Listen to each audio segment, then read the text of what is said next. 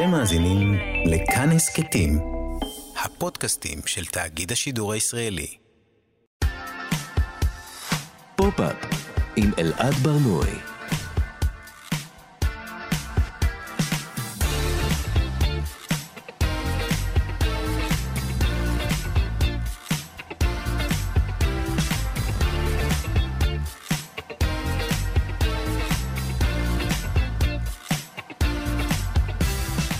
שלום, בוקר טוב, כאן תרבות, אתם על פופ-אפ. בכל שבוע אנחנו מדברים כאן על התרבות שמעניינת באמת. כל יום חמישי בשעה 10 ב-105.3 ו-104.9 FM.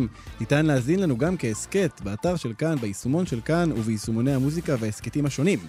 איתי באולפן אניה קלזון שמפיקה את התוכנית. טכנאי השידור הוא תמיר צוברי, אני אלעד ברנועי, בואו נתחיל.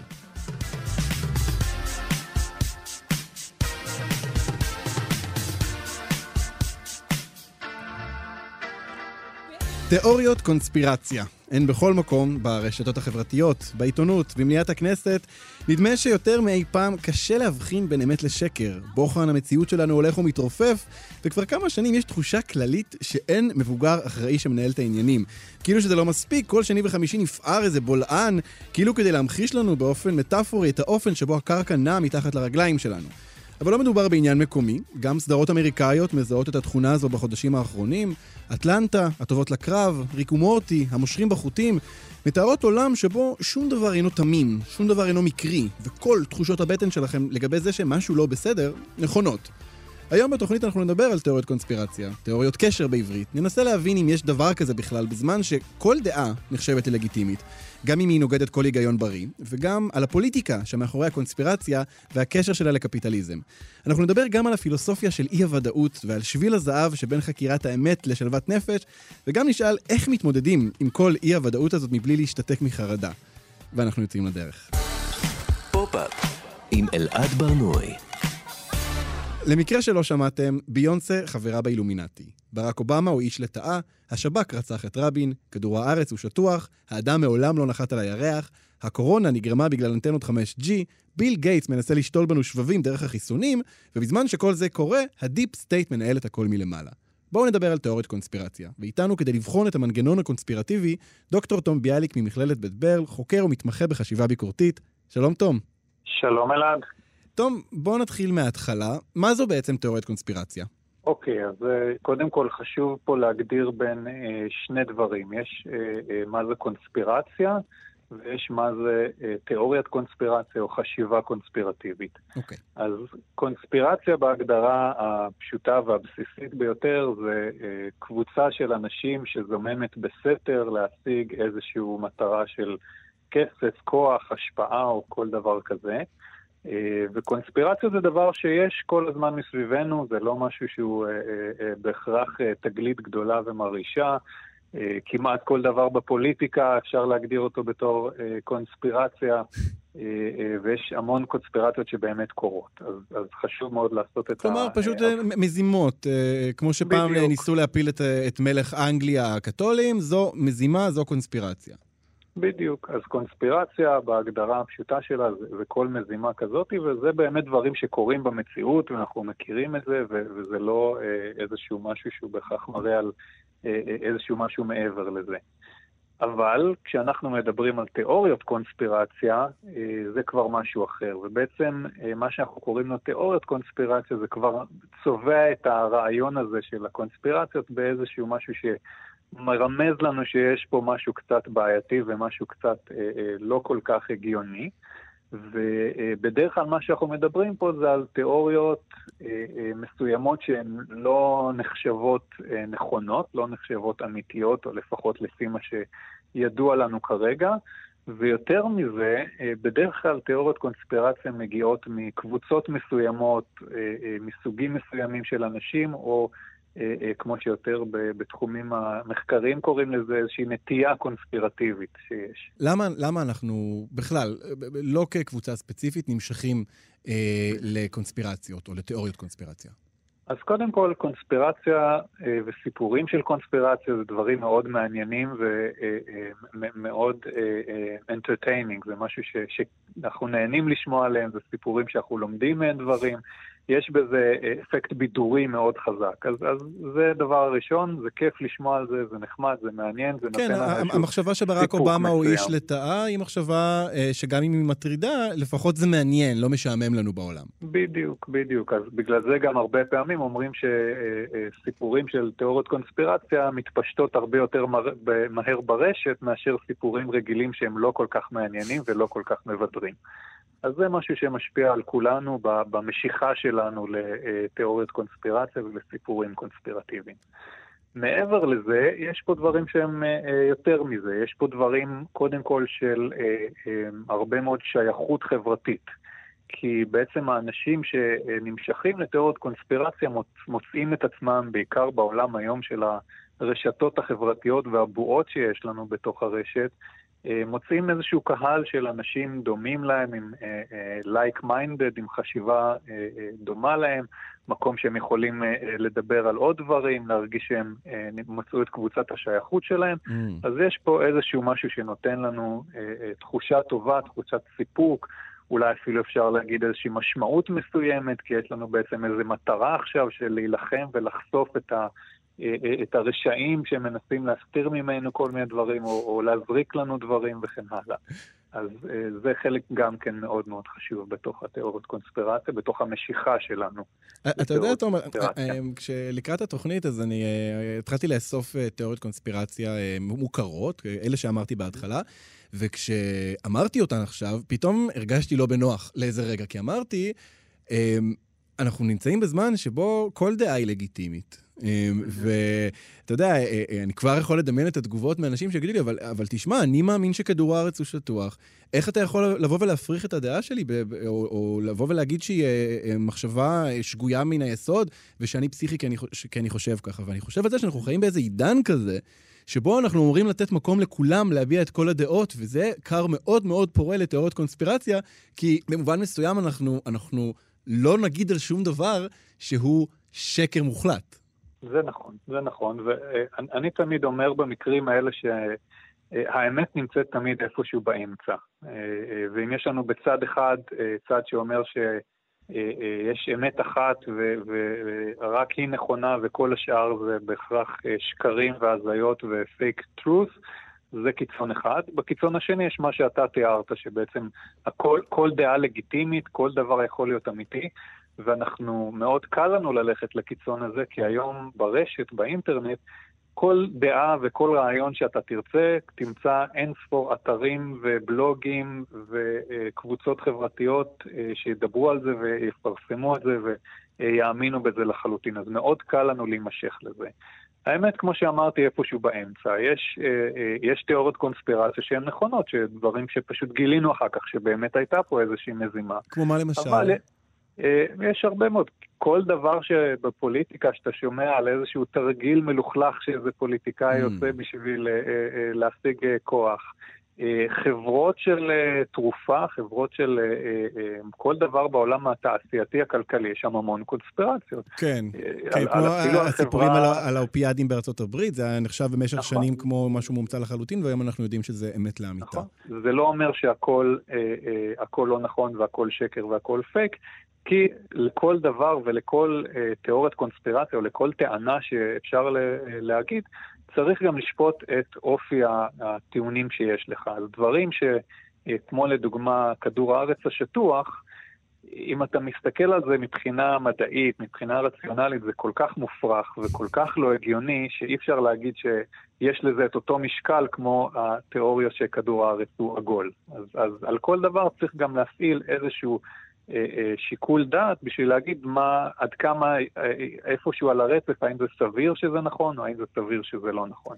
ולכן אני אומר שזה תמיד באמצע, זה בין ה, לא האמת המוחלטת ולא הכל הרלטיביזם הזה שהכל נכון וכל דעה יש לה בדיוק את אותו משקל. זהו, כי צריך להגיד שאם נכנסים לכל מיני מאורות ארנב כאלה של תיאוריות קונספירציה, ולי יש נטייה לעשות את זה בשעות מאוחרות של הלילה, ולקרוא באינטרנט על כל מיני סיבות ללמה הכדור הארץ כן שטוח, אז אתה יודע, גם כל כלי החשיבה הביקורתית מתערערים באיזשהו שלב, כי אתה אומר לעצמך, רגע, אם אני באמת ביקורתי, אז אני אהיה ביקורתי גם כלפי התפיסות הכי יסודיות של העולם, כמו למשל, שהוא עגול.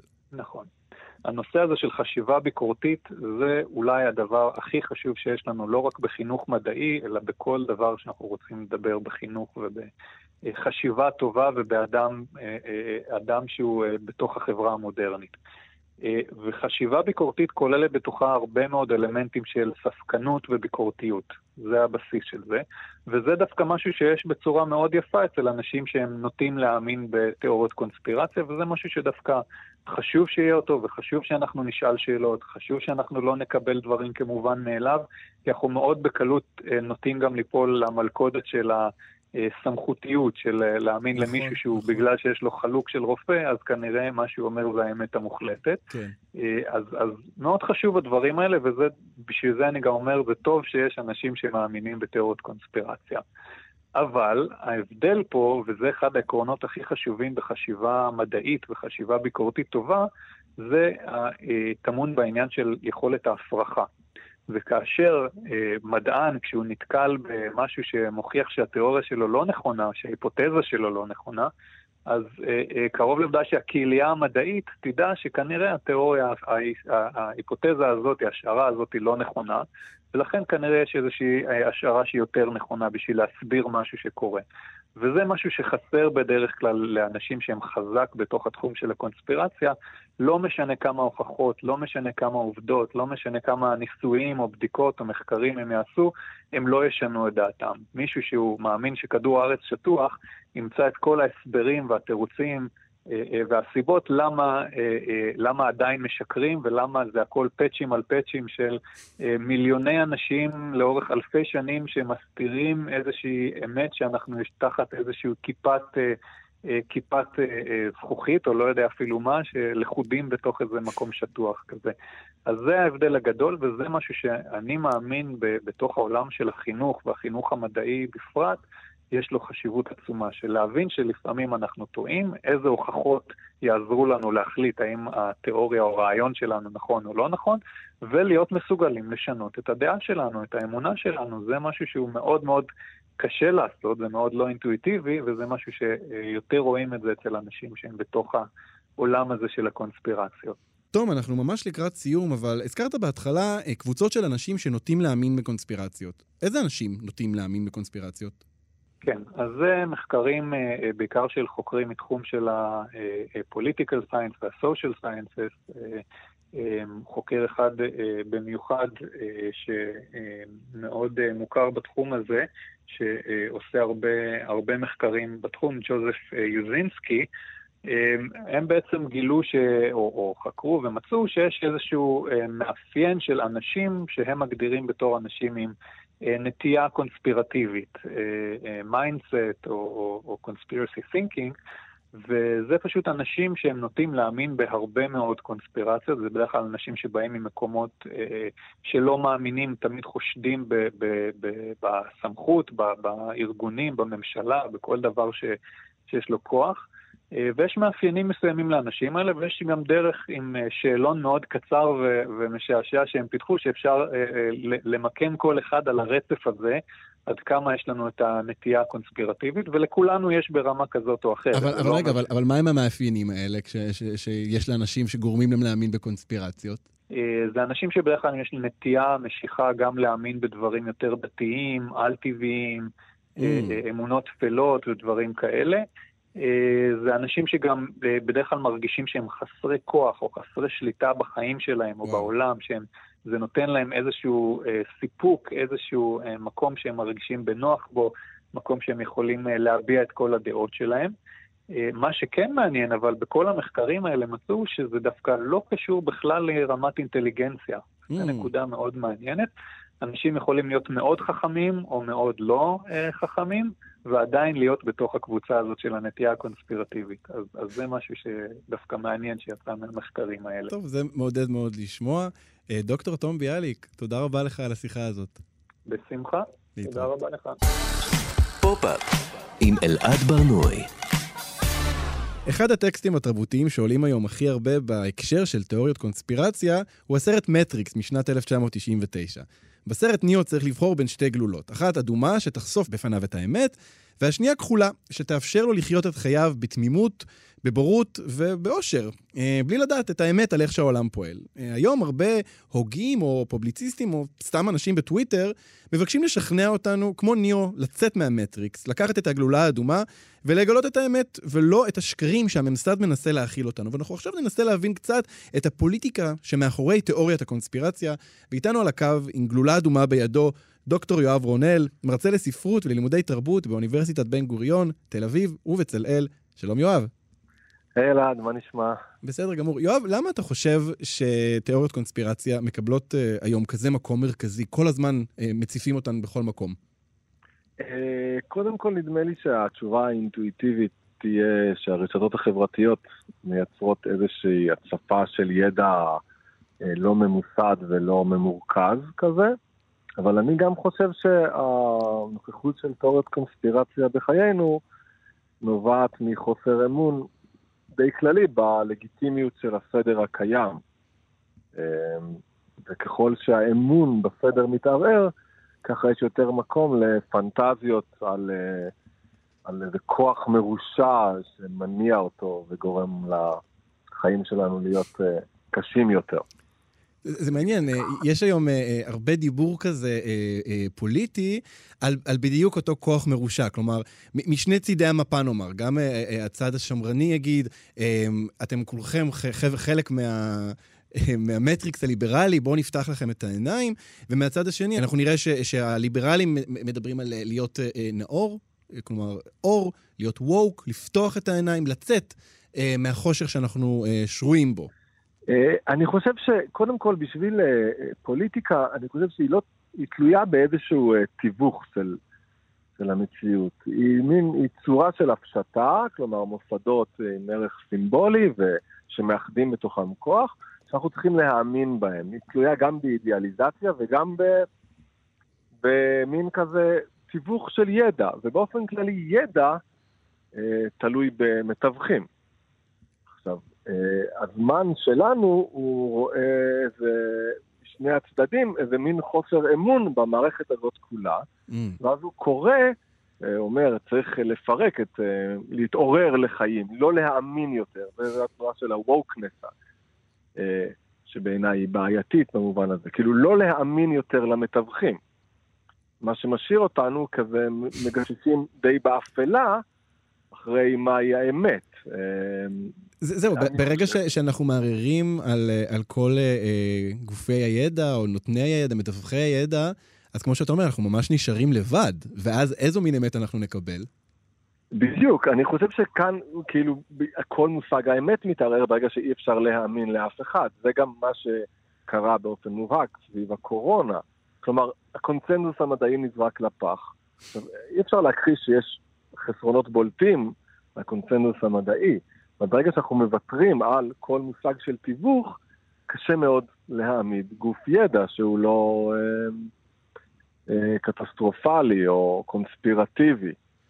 אני גם אגיד שבעיניי הסיבה שהסדר הקיים מאבד לגיטימיות היא בגלל שאנחנו יותר ויותר מנותקים ממנו. כלומר, אין שום קשר בין החיים הפרטיים שלנו לבין הכוחות שמעצבים אותו, יש את, את החיים הללו. ما, מה, הכוונה, מה הכוונה שאנחנו מנותקים מהסדר הקיים? כלומר, אנחנו, אין, אני לא חושב שתמצא יותר מדי אנשים שמאמינים שיש בכוחם להשפיע. Mm. להשפיע ואפילו להבין. אנחנו מרגישים, זה אחת התופעות של אה, אולי הקפיטליזם המאוחר, או של הזמן הפוסט-ליברלי, או, או הזמן הפופוליסטי, תלוי איך, מאיזה פרספקטיבה אנחנו מסתכלים על זה. אנחנו מבודדים בתוך החוויה הפרטית שלנו.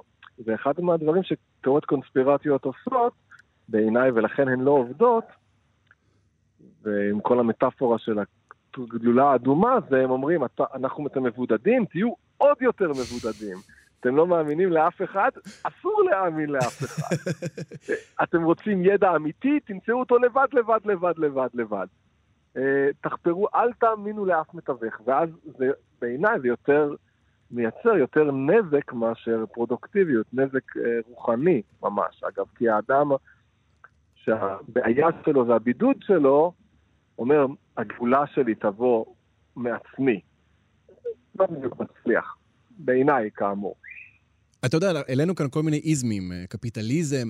לי עולה בראש אינדיבידואליזם, כי uh, אתה מדבר על, על באמת איזושהי תחושה של בידוד, וזה בטח גם uh, uh, uh, מתחבר לדבר הזה. כלומר, יש משהו מאוד נוגד קהילה בכל הרעיון הזה של אה, אה, קונספירציות, ובאמת לפעמים נמצאים באיזושהי סיטואציה חברתית, ומישהו פתאום מעלה את הרעיון הזה שכדור הארץ הוא שטוח, אתה רואה איך כל השיחה מתערערת, נורא קשה להתאגד סביב הרעיון הזה, ואז נוצרות המון המון קבוצות קטנות שמתאגדות סביב כל מיני רעיונות פסיכיים. אני חושב שאם נדבר עם רוב תומכי תיאוריות הקונספירציה, הם יגידו, אנחנו לא קונספירטיביים, אנחנו בסך הכל שואלים שאלות. כלומר, הם בדיוק, הפרויקט שם הוא באמת מין כזה, אני לא מאמין לידע, אני מפקפק בכל ידע, שהוא ברובו מוצדק ונובע מאינטואיציות טובות, גם האינטואיציות של הימין, שקשה לו עם מה שהוא קורא לו שלטון בג"ץ או ה deep state, וגם האינטואיציות של שמאלנים עם ליברלים כאלה שאומרים אי אפשר להאמין בגלל חברות התרופות. זה כן. כמובן נכון. אבל בסוף זה באמת יוצר איזה מין אינדיבידואיזציה מואצת של האדם, הוא אומר, אי אפשר להאמין לאף אחד. ואז אתה נהיה גם אה, לבד מאוד, וגם לא מוכן להתממשק עם הסדר הקיים. יש כל מיני מטאפורות שאני מאוד לא אוהב של, אני לא כמו העדר. נכון. אבל איך עושים דברים ביחד, אם לא, כלומר, איך, אם לא איך בעדר, כן. מהמצב, בדיוק, איך נחלץ ממנו, איך נבנה ידע אם אנחנו לא מאמינים לאף מתווך של ידע. איך נבנה פוליטיקה אם אנחנו לא מאמינים במושג של פוליטיקה. אמ, זה פשוט מגיע למבוי סתום שנשען על, באמת על הרעיון שאתה יכול לבד להבין את העולם, בלי תיווך. זה, זה מאוד מעניין, כי אתה יודע, אנחנו... אה, אה, אה, המילה צייתנות למשל, ציות, צייתנות, היא, היא מילה כמעט גסה היום. אתה יודע, מי מציית? אנחנו, אנחנו חכמים יותר מלציית, אנחנו, לא, אנחנו מתנגדים לסדר הקיים, אנחנו חתרנים. ו, בדיוק. ו, ובעצם הדבר הזה הפך להיות משהו שהוא מין, הכל נחתר, חתרו תחת הכל, וכבר נורא נורא קשה להתגייס ביחד למשהו, לאיזושהי מטרה, לשתף פעולה, להיות סולידריים, כל הדבר הזה קצת קורס. אה, יש אה, מאמר של אה, ניצן ליבוביץ', שהוא חוקר ספרות והיסטוריון, או היסטוריון וחוקר ספרות, שהוא אומר שההפך מצייתנות עיוורת היא לא אינדיבידואיזציה או בידוד, אלא סולידריות. Mm, וואו. נדמה לי שאלו הצורות הפוליטיות והצורות ידע שאנחנו צריכים לגלות מחדש. אני גם אגיד שוב שיש משהו מאוד קוסם בפרשנות הקונספירטיבית, כי היא מאוד יצירתית. נכון. היא מאוד פורה. היא רואה פרח ואומר, הפרח הזה מביע את uh, העולם כולו. במובן זה יש שם כוח יצרני אדיר ומושך ואסתטי, mm. וגם שמייצר מין מערכות גדולות ומורכבות. אה, שמצד אחד בעיניי לא באמת תורמות או מגלות שום דבר, אבל הן גם מעידות משהו על המבנה של המערכת כל כך מסובך, באמת מסובך. אז זה גם מעיד על משמעות, יואב. כלומר, זה, זה... שום דבר לא סתמי בעולם, שום דבר הוא לא קורה סתם, אם אתה יודע שיש, שהפרח הזה, מערכת שלמה תכננה אותו כדי שאתה תוכל להביט בו. יש משהו מאוד מפתה במחשבה הזו, גם אם הכוחות האלה הם זדוניים, לפחות זה מעניק איזושהי משמעות לקיום.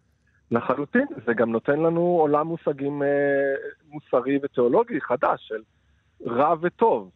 אה, כלומר, זה לגמרי מערכות של משמעות. אני חושב אבל שהן לא, בסוף לא עונות על, ה, על הבעיה האמיתית, שהיא לא איך להבין את העולם, כמו איך לפעול בעולם. ועל זה תיאוריות הקונספירציה הן לא מצליחות לענות, בין השאר כי הן מקושקשות ברובן. וכי הן לא מוכנות uh, להתחייב לעיסוק של כוח, כי כוח הוא בעצם מגונה לחלוטין. כן. על ידי... אסור לאסוף כוח, כוח זה רע, כוח זה משחית, כוח זה מעוות את האמת האותנטית של כל אחד מאיתנו. כן, אה, אה, בדיוק, האמת שזה, אני, אתה מדבר ואני מבין שככל שיש יותר תיאוריות קונספירציה, ככה אנחנו, הרבה יותר קל להתעלם או, או לא, לא להביט במבנים של כוח. אמ, יואב, אנחנו לקראת סיום, אבל אני רוצה לשאול אותך, הזכרת, פתחתי את, ה, את השיחה איתך במטריקס, אמ, והמטריקס הוא, הוא בא ברגע מאוד מאוד מסוים, הוא, הוא הגיע רגע לפני באג 2000, סוף שנות ה-90, הייתה אז תחושה כזו שהעולם הגיע, לא רק תחושה, יש תיאוריה כזו של קץ ההיסטוריה, העולם הגיע לפרקו, אנחנו כבר לא נלחמים יותר, הכל בסדר, עכשיו אנחנו רק uh, הולכים ומשתכללים כבני אדם, כחברה, ואז ב-2001 הדבר הזה התפוצץ לנו בפנים, הוא התפוצץ לנו שוב בפנים עם הקורונה, והבנו שכל ההבטחות האלה, כל הדמיון הזה שהיה לנו, הלך ונעלם. נעלם. אמ, אתה חושב שהתפיסה הזאת של המטריקס, של האמת שנחשפת, היא מתחברת לדבר הזה? כלומר, היום אנשים יכולים לבוא ולהגיד לנו, תראו, כל הדמיון הזה שהיה לכם לגבי העתיד, לגבי העולם, היה שגוי. עכשיו אנחנו רואים את האמת כפי שהיא. עכשיו המטריקס נחשף בשנת 2022. אני חושב שזה מין, זה מצחיק, זה מטאפורה, הייתה מטאפורה פוליטית, המטריקס. כי בסופו של דבר ניו הוא אמנם האחד הנבחר, אבל הוא מתייצב, הוא מתייצב לצד אה, כוחות מהפכניים. אבל בתוכה יש באמת את הפנטזיה הקונספירטיבית האולטימטיבית. אה, להגיע אל הממשי. כן. לגעת בדבר עצמו, בלי תיווך, ולא משנה כמה חרא שיהיה לך בחללית שם, אתה אוכל רק דייסה, אבל אתה בממשי, אתה באמת. אבל האמת היא שבני אדם, הם, האמת של בני האדם זה היכולת שלהם לעשות הפשטה ולתווך. אה, זו האמת שלהם, זו האמת של הפוליטיקה שלהם, וזו האמת של האומנות שלהם, וזו האמת של הפילוסופיה שלהם. הממשי הוא בדיוק הדבר שלא נוכל לגעת בו כי אנחנו אנושיים. ואני חושב שזה דבר שקרה ב-25 שנה האחרונות. הכוחות החתרניים, שוחרי הטוב של השמאל, שעשו דקונסטרוקציה למבנים הקיימים, היום הם אה, סרח עודף של המבנה הכוח הקיימים, הם לא מפריעים לכוח. הם מאשררים אותו, כי הם חוזרים על אותו מושג, שהוא בעצם בלב האידיאולוגיה השלטת. אתה לבד. תפעל לבד. אה, ולכן המטריקס בעיניי הוא מין סיפור טרגי, וגם סרט שאני ממש אוהב, נורא. סרט אה, מצוין, סרט מצוין. כן, קיאנו ריבס, מה... מה עוד צריך? אבל האמת שאני לוקח מהדברים שלך שני דברים אה, שמעודדים אותי. אחד, זה שהממשי הוא הדבר הזה שלא נוכל לגעת בו. זה, אני חושב שאנחנו בתוכנית מדברים על כל מיני דרכים להתמודד עם אי-ודאות, עם חרדה, ויש משהו באמירה הזו שמאוד מאוד מעודד להמשיך הלאה. אה, לא נוכל לגעת בו, אבל יש אותו, והמתח הזה הוא, אה, הוא איזושהי תנועה שמשכת אותי, ובכלל, אנחנו מדברים, ואני חושב לעצמי על כל המאזינים והמאזינות שלנו, ועל התחושת הלבד הזו שמנסים לכפות עלינו, והנה, אנחנו לא לבד, אנחנו כולנו פה ביחד אה, מאזינים לדברים היפים שלך. אה, דוקטור יהב רונל, תודה רבה לך על השיחה הזאת. תודה רבה, אלעד. פופ-אפ עם אלעד ברנועי. תיאוריות קונספירציה הן רק חלק מהסיפור. רק חלק מהעולם המערער שמשתקף לנו בחדשות, ברשתות החברתיות וגם בטלוויזיה. בסופו של הפרק האחרון של הטובות לקרב, The Good Fight, הסדרה שהגיעה לסיומה בחודש שעבר, הופיע כיתוב "כל זה קרה באמת". זו שורה שמבקשת להזכיר שכל הדברים המוזרים שקרו בסדרה מעוגנים במציאות הפוליטית בארצות הברית. ואם למישהו נראה שהסדרה קצת הגזימה לפעמים עם העולם הסהרורי שהיא הציגה, הוא רק היה צריך לראות את ההסתערות על גבעת הקפיטול בשנה שעברה, כדי להבין שזו המציאות שאנחנו חיים בה. גם סדרת המופת אטלנטה של דונלד גלובר, שהגיעה לסיומה בחודש שעבר, הציעה עולם מעורער, שסוע, סוריאליסטי לרגעים. שתי הסדרות הציגו מציאות מהפנטת ו- וקשה של חוסר ודאות. אבל חוסר ודאות, מערער ככל שיהיה, הוא לא בהכרח דבר רע. ואנחנו עכשיו נדבר על הפילוסופיה של אי-הוודאות, ונעשה את זה עם דוקטור ג'רמי פוגל, מרצה לפילוסופיה ומגיש ההסכת הקרקס המטאפיזי. שלום ג'רמי. שלום רב, שלום רב, צהריים טובים. בוקר טוב. בוקר אור. ג'רמי, שאלה. אה, אנחנו, נראה שאנחנו חיים בתקופה קצת מוזרה, אה, של חוסר ודאות. אם אנחנו מסתכלים בטלוויזיה, זה ממש נראה כאילו כולם מרגישים שהאדמה רועדת להם מתחת לרגליים, קשה לדעת מה אמת ומה שקר, בולענים נפערים ברחובות, אירועים היסטוריים שברור לנו שקרו, פתאום הופכים להיות לסוגיה שדנים האם זה באמת קרה. אתה חושב שאנחנו חיים בתקופה של חוסר ודאות יותר מבעבר? תראה, אני חושב שהיכולת של אה, מנגנונים טכנולוגיים אה, לחתור מתחת, אה, לנגיד, אמיתות היסטוריות או לתפיסות רווחות, הוא כן הפך להיות חזק בהרבה בעקבות המהפכה הדיגיטלית, שהיא השינוי עולמות הזה שאנחנו חווים כולנו. אני באופן כללי חושב שהמהפכה הדיגיטלית היא כנראה המהפכה המשמעותית ביותר שעוברת על האנושות מאז, אני חושב, אולי המהפכה החקלאית שכוננה את עצם הציוויליזציה שלנו. וואו. אני חושב שלמשל, מהפכת הדפוס, אה, היא הייתה מאוד משמעותית, אבל מה שאנחנו עוברים עכשיו במהפכה הדיגיטלית זה משהו שמשנה ציוויליזציה. אנחנו וואו. באיזשהו תהליך שבו העולם הישן הוא באמת הופך להיות ישן, וכשאני אומר עולם ישן זה כל העולם של ההתפתחות האנושית כפי שהכרנו עכשיו. העידן הדיגיטלי אה, זה אה, רגע של משבר שבו כל מה ש... אי פעם ידענו הולך להשתנות. אה, וזה קורה די מהר, וזה קורה בצורה אה, של שינויים טכנולוגיים אקספוננציאליים. אה, בנוגע לוודאות, אבל, אני חושב שבאופן כללי, אם אני מסתכל על היסטוריה של פילוסופיה, יש באמת שאיפה לוודאות, יש שאיפה לוודאות כמעט מתמטית. אצל אפלטון ואצל ממשיכי דרכו הרבים והמשפיעים, אבל יש גם אסכולה, אני חושב, שהיא לא פחות אה, מעניינת ואולי רלוונטית במיוחד לימינו, שמראש חושבת שהשאיפה לוודאות היא שאיפה להשגת משהו שהוא לא אה, ניתן לבני אדם להשיג. Mm.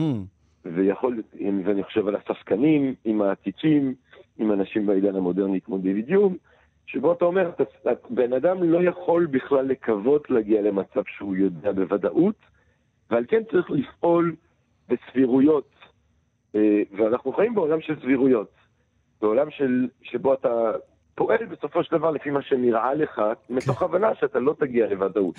אני, אני חושב למשל בהקשר הזה, על הדיונים שהיו סביב חיסונים, או דיונים אחרים, כן. שבהם רוב האנשים, זאת אומרת, כמובן גם אני, אני לא יודע להגיד באמת מה יש בחיסון. אני לא נכון. יכול לקחת את מה שמזריקים לי ולקחת את זה למעבדה הביתית שלי ולפרק את זה לגורמים ולדעת מה יש בתוך זה ואיך זה עובד. אני צריך לחשוב מה נראה לי יותר סביר, האם נראה לי יותר סביר שמנגנוני אה, הבריאות ומוסדות מדעיים כאלה ואחרים אה, שותפים לאיזשהו סוג של קונספירציה, או שנראה לי יותר סביר שיש פה איזשהו משהו שיכול להועיל. Mm. אה, אתה יודע, זה מעניין, כי uh, uh, אני חושב, uh, נגיד אני חושב על ההורים uh, שלי, על הדור שלהם. נדמה לי שהם חיו בתחושה um, שהם די יודעים מה קורה. כלומר, כלומר, תחושה שהם ידעו מה היחס שלהם למדינה ומה היחס של המדינה אליהם, מה היחס של משרד הרפואה אליהם, מה היחס... הם, הם הרגישו שהם יודעים הכל. ואני חושב על הקפיצה הזו בדור, ובאמת המהפכה הדיגיטלית שהייתה מאז, והתחושה שלי לפחות היא, היא הרבה פחות ודאית. ואולי במובן מסוים, האופן שבו אנחנו חי, חיים היום, הוא יותר תואם את, ה, את, ה, אמ, את חוסר הוודאות או את הפריחות שיש במושג של אמת.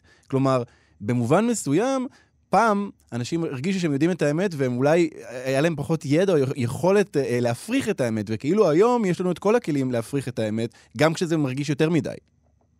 תראה, אתה אומר אמת, אבל יכול להיות שמה שאנשים תפסו אז כאמת, לא את האמת, אלא בעצם איזשהו סוג של תמונת עולם שמנגנונים בעלי כוח אה, כיוונו בטח, אליה. כן. כן? זאת אומרת, יכול להיות שהספקנות שלנו תקבל מוסדות אה, מוסדות שלטון ומוסדות של אה, מנגנוני כוח ואלימות נוספים, אה, יכול להיות שהספקנות שיש לנו בעקבות מהפכת המידע הדיגיטלית, יש בה גם, או לפחות רגעים של, אה, שהם בריאים, שאנחנו בעצם תופסים את הדברים יותר כפי שהם מאשר בדורות שקדמו לנו. מצד שני, אני כן חושב ששוב, יש גם, ל, גם אם האינטרס הוא לא אינטרס בריא של מודעות אה, למנגנונים מושחתים ומסוכנים וכולי, אלא אם האינטרס הוא לחתור מתחת לדברים שאמורים להיות ברורים כדי ליזום אה, אה, מתחים פוליטיים, אתה יודע, המעורבות הרוסית נגיד בבחירות בארצות הברית ודברים מהסוג הזה, כן. גם אז הכלים האלה יכולים להיות שימושיים, כך זה, כמו הרבה דברים, יש לזה יתרונות, זאת אומרת מידע שלא היה חשוף אולי לדור של ההורים שלנו, כן חשוף לדור שלנו. מצד שני, בתוך הפצצה הזאת של מידע לכל כיוון, יש גם הרבה דיסאינפורמציה. כן. אנחנו באמת באיזשהו רגע שהוא לכאן או לכאן אה, מוגבר. זה, זה גם, אתה יודע, אני חושב על, על, עלינו כבני אדם. נניח כחברה, אני חושב שאולי יש, איזושהי, uh, uh, יש איזשהו צורך שתהיה תחושת uh, ודאות בשביל הסדר, בשביל שיהיה אפשר לתפקד. אבל נגיד עליי כאדם, אם אני קם בבוקר ואני לא יודע שום דבר, אני לא יודע שהשמש תזרח, אני לא יודע איפה אני חי, אני לא יודע שום דבר, הכל יכול להיות תפאורה, כמו שהרבה פעמים מי שפותח את הטוויטר יכול לקבל את התחושות האלה. Um, קצת קשה לתפקד ככה כ- כ- כנפש בעולם. תראה, יש אה, בפילוסופיה דווקא מראה לנו שיש פה שתי אופציות להתייחסות אה, לסיטואציה הזאת, לספק הזה שאתה מתאר. באמת בפילוסופיה המודרנית יש נטייה לראות במצבים של ספק קיצוני כאל משהו שהוא אה, שלילי, כאל משהו שהוא פוגע בחוסן שלך באיזושהי צורה.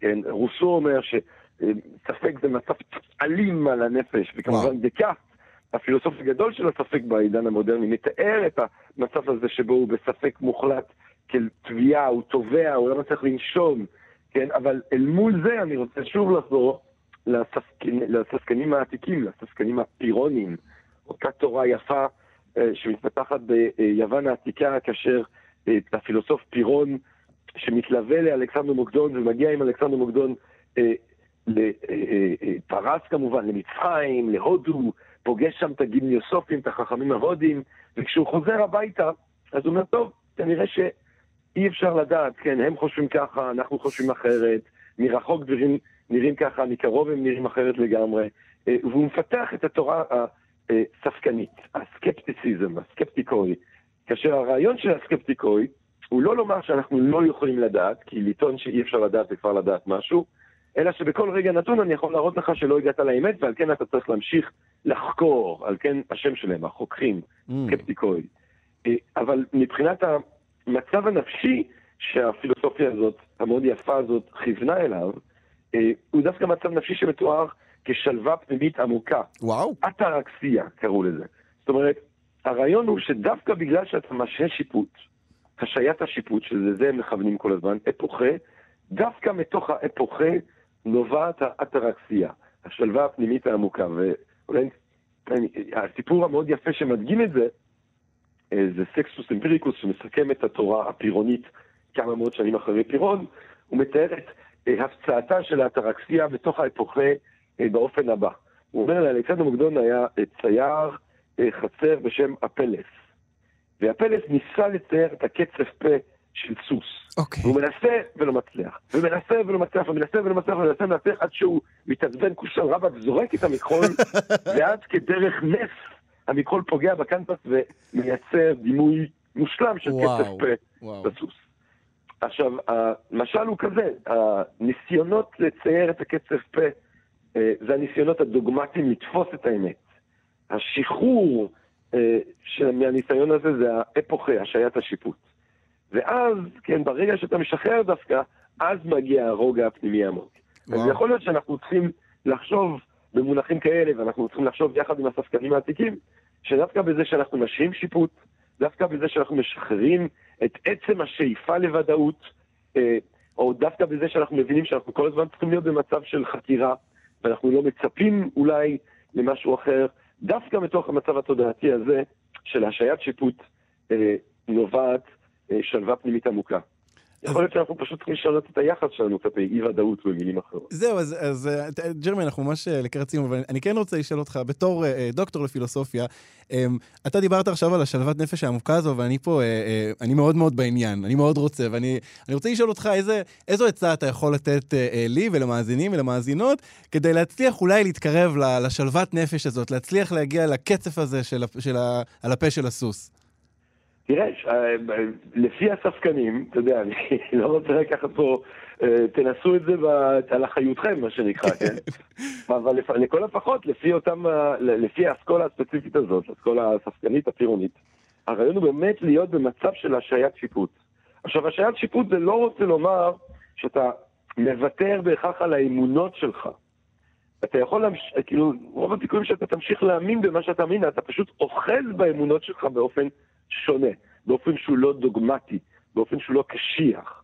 אתה מאמין במה שאתה מאמין, ואתה עושה את מה שנראה לך שצריך לעשות, אתה פועל לפי האמונה שלך שזה הדרך הטובה ביותר לפעול, אבל יש בך גם מקום שיודע ושמאוד מודע לזה שאתה לא יודע בוודאות, ושאולי אתה טועה, והמחשבה הזאת היא לא בהכרח צריכה להיות מחשבה שחותרת מתחת אה, לשלווה, אה, אלא להפך, זה משהו שמאפשר לנו להיות הרבה יותר שלווים עם המצב האנושי שלנו. טוב, מאזינים ומאזינות, אה, כמו שדוקטור ג'רמי פוגל אמר, על אחריותכם בלבד, דוקטור ג'רמי פוגל, תודה רבה לך על השיחה הזאת. תודה רבה לך, כל טוב לכל המאזינות והמאזינים. פופ-אפ עם אלעד ברנועי. דיברנו על עולם מעורער, על כוחות גדולים ששולטים בנו, על חוסר יציבות ואי-ודאות, ונראה שאלה הם חיינו בזמן האחרון. בבוקר אנחנו קוראים על מלחמה או על מגפה חדשה, בדרך לעבודה אנחנו עומדים בפקק בגלל איזה בולען שנפער, ובדרך חזרה הביתה אנחנו שומעים חדשות שכמו נלקחו מפרק של מראה שחורה. ואחת התולדות של אי-ודאות היא כמובן חרדה. ואיתנו, כדי לדבר על חרדה ועל מה אפשר לעשות מולה, סמדר יהודה גזית, פסיכולוגית קלינית וממגישות ההסכת קשיבות. שלום סמדר. אהלן, שלום. סמדר, אולי נתחיל בשאלה הכי בסיסית, למה אנחנו מרגישים חרדה? או, שאלה מצוינת. יש הרבה סיבות, אה, ואני רוצה דווקא להתמקד, בגלל ההקשר שלנו, במפגש של, אה, של האדם, בטח המודרני, עם חוסר ודאות mm. ועם חוסר שליטה. אני חושבת שניים אה, מהגורמים הכי בסיסיים שמערערים את תחושת הביטחון והמסוגלות שלנו בעולם, שהם קודם כל נגיד, גורמים ממשיים. אכן אנחנו חיים עם הרבה מאוד חוסר ודאות ומעט מאוד שליטה, והתודעה שלנו לא אוהבת את המצב הזה. בתור uh, מכשיר ההישרדות המרכזי שלנו, התודעה הכי אוהבת לדעת לאן היא הולכת ולהרגיש שהיא יכולה לנווט את הספינה. וכשהמסר מבחוץ הוא בדיוק ההפך, מתעוררת uh, אכן אותה חרדה, ששמא אנחנו עלולים להיפגע או נתונים באיום. למרות שצריך לומר שלמרות התחושות האלה, אנחנו יחסית, היסטורית, אנחנו חיים בזמן שאנחנו יחסית יודעים די טוב איפה היום שלנו מתחיל, איפה הוא מסתיים. אנחנו לא חוששים שבדרך לעבודה יבוא אה, צייד ויצוד אותנו, כלומר, זה, זה, זה, החרדות שלנו הן חרדות כזה של העולם החדש. נכון מאוד, ואני רוצה בהקשר הזה להגיד שקצב ההשתנות של העולם הוא לאין שיעור יותר מהיר מקצב השינוי האבולוציוני של המערכות שלנו. Mm. אז אותה מערכת שמטרתה הייתה להציל אותנו, את חיינו, כשנפגוש דוב במהלך טיול הבוקר, אותה מערכת עצמה נכנסת לפעולה כשאנחנו שומעים את החדשות. וואו. אבל היא לחלוטין לא מותאמת. מה שיוצר מצב שהחריף מאוד דרמטית בתקופת המגפה, כן. שאנחנו חווים עוצמות אדירות של חרדה, שמשפיעות עלינו לא רק רגשית, מנטלית, כי אם גם גופנית, כי המערכת נכנסת לרמה כזאת של אה, אי נחת, אי שקט וניסיון לפתור את מה שאיננו פתיר. זה כלומר... די מדהים, זה, זה מזכיר לי, אה, אה, אה, לא מזמן דיברנו בתוכנית על אה, סרטי אימה. ועל uh, המנגנונים שמתעוררים לנו במוח כשאנחנו צופים בסרט אימה, ובדיוק הדוגמה הזאת הייתה זהה של הדוב שתוקף אותנו. כשאני רואה סרט אימה, יש במוח איזשהו חלק שאומר לי, זה הולך לקרות לך באמת הדבר הזה. והחרדה שאנחנו חווים היום היא, היא כאילו מועצמת uh, uh, פי אלף בגלל, עכשיו אני מבין, בגלל אבולוציה שלנו בתור יצור שצריך לשרוד דברים מאוד מאוד מאוד קשים. אכן כן, ו- ואני רוצה להסביר כאן משהו, נקודת מפתח לגבי החרדה. התודעה פוגשת את מצב חוסר הוודאות. אין לה מושג מה הולך לקרות. עכשיו, בעצם יש לנו שתי ברירות, אם נעשה את זה סכמטית. אחת היא להגיד, וואלה, חוסר ודאות, נחכה ונראה. אבל התודעה זה לא בא לה טוב. היא אומרת, בואי אני אציע לך עסקה אחרת. אני אנסה להציע כל מיני אפשרויות למה יקרה. ואז מתחילים לרוץ לנו אין ספור תסריטים, בדרך כלל תסריטי אימה, כי בוא, התודעה רוצה לעזור לנו להתכונן. ואז מתחיל מה שאנחנו קוראים ה-what ifs. מה עם זה וזה וזה, מה עם זה וזה וזה. הרי כולנו מכירים, ככה הסתובבנו בקורונה, נכון? Okay. כן. חיינו כל הזמן את ה-worst case scenario, את האפשרות הכי גרועה. פה התודעה עושה לנו שירות דוב. אפרופו הדוב, היא עושה לנו שירות דוב. ואחד המהפכים מבחינתי גם כפסיכולוגית בלימוד של הפסיכולוגיה הבודהיסטית היה הבנה, רגע חבר'ה, זו עסקה הרבה יותר משתלמת לשבת עם חוסר הוודאות. כי הפתרון שהתודעה מציעה לנו הוא לעבור באין ספור תסריטי אימה, שכמובן אף אחד לא מתקיים, כי המציאות עולה על כל דמיון. נכון. אבל אנחנו, כמו שתיארת בסרט האימה, עוברים, כל אחד מהתסריטים האלה עובר לנו בגוף, מפעיל את מערכת החירום, ואנחנו מוצאים את עצמנו מותשים. וואו, סמדר, את חושבת שיום אחד אבולוציונית החרדה תיעלם ואנחנו נפסיק לחוש חרדה? יש לי הרגשה שעם מה שאנחנו עושים, אה, אתה יודע, לכדור ולעצמנו, אני מבין לאן את הולכת. הבנתי, אוקיי. אה, כן, אחלה, אה, אחלה דרך לחשוב על זה. אבל סמדר, אני כן רוצה לשאול אותך, אין לנו המון זמן, אבל אני כן, כן. רוצה לשאול אותך לגבי מה עושים מול זה. אנחנו חיים באמת במציאות מאוד מאוד מערערת, אנחנו אמורים לתפקד כל הזמן. מה אפשר לעשות מול החרדה היומיומית הזאת?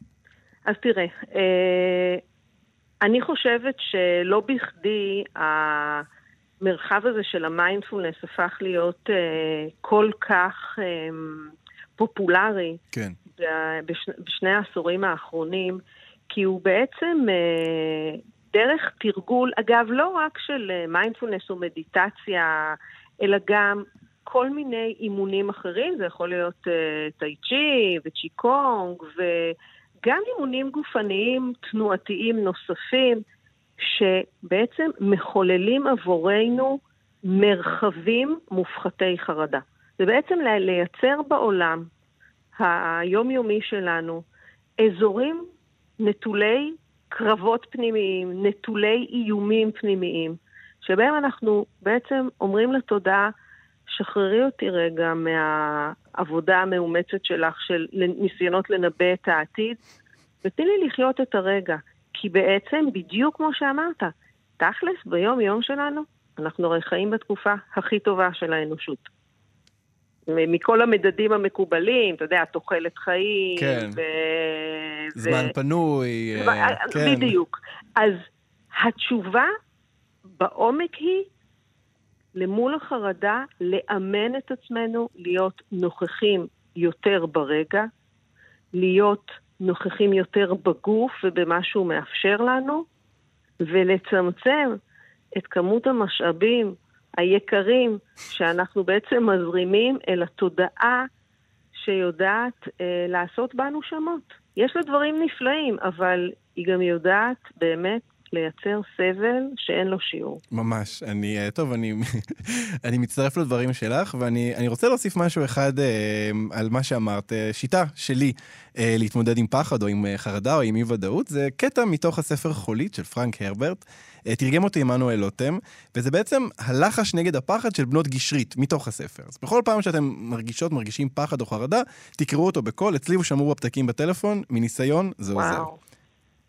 אל לי לפחוד. הפחד הוא קוטל הבינה. הפחד הוא המוות הקטן המביא כיליון מוחלט. אעמוד בפני פחדי. אניח לו לחלוף סביבי ובעדי. וכאשר יחלוף על פניי, אפנה את עיני רוחי ואראה את נתיבו. במקום שעבר הפחד, לא יהיה דבר. רק אני אוותר. יפה, לא? מדהים, מדהים. ואגב, אה, אה, אני חושבת שהרבה מאוד אה, חכמים גדולים בהיסטוריה דיברו ברוח דומה, וזה נהדר למצוא את ה, מה שמדבר אליי, וכמו שאתה אומר, להחזיק את זה בפתקים. אז uh, סמדר יהודה גזית, המון המון תודה על העזרה הזו, ובכלל על השיחה הזאת. איזה כיף, תודה. עם אלעד ברנועי. וזהו, אנחנו הגענו לסוף התוכנית פופ-אפ בכאן תרבות. את כל השירים מכל התוכניות אפשר למצוא בפלייליסט מתעדכן. חפשו בספוטיפיי פופ-אפ. תודה לאניה קלזון על ההפקה, תודה לטכנאי שידור תמיר צוברי. אני אלעד ברנועי, להתראות. אתם מאזינים לכאן הסכתים, הפודקאסטים של תאגיד השידור הישראלי.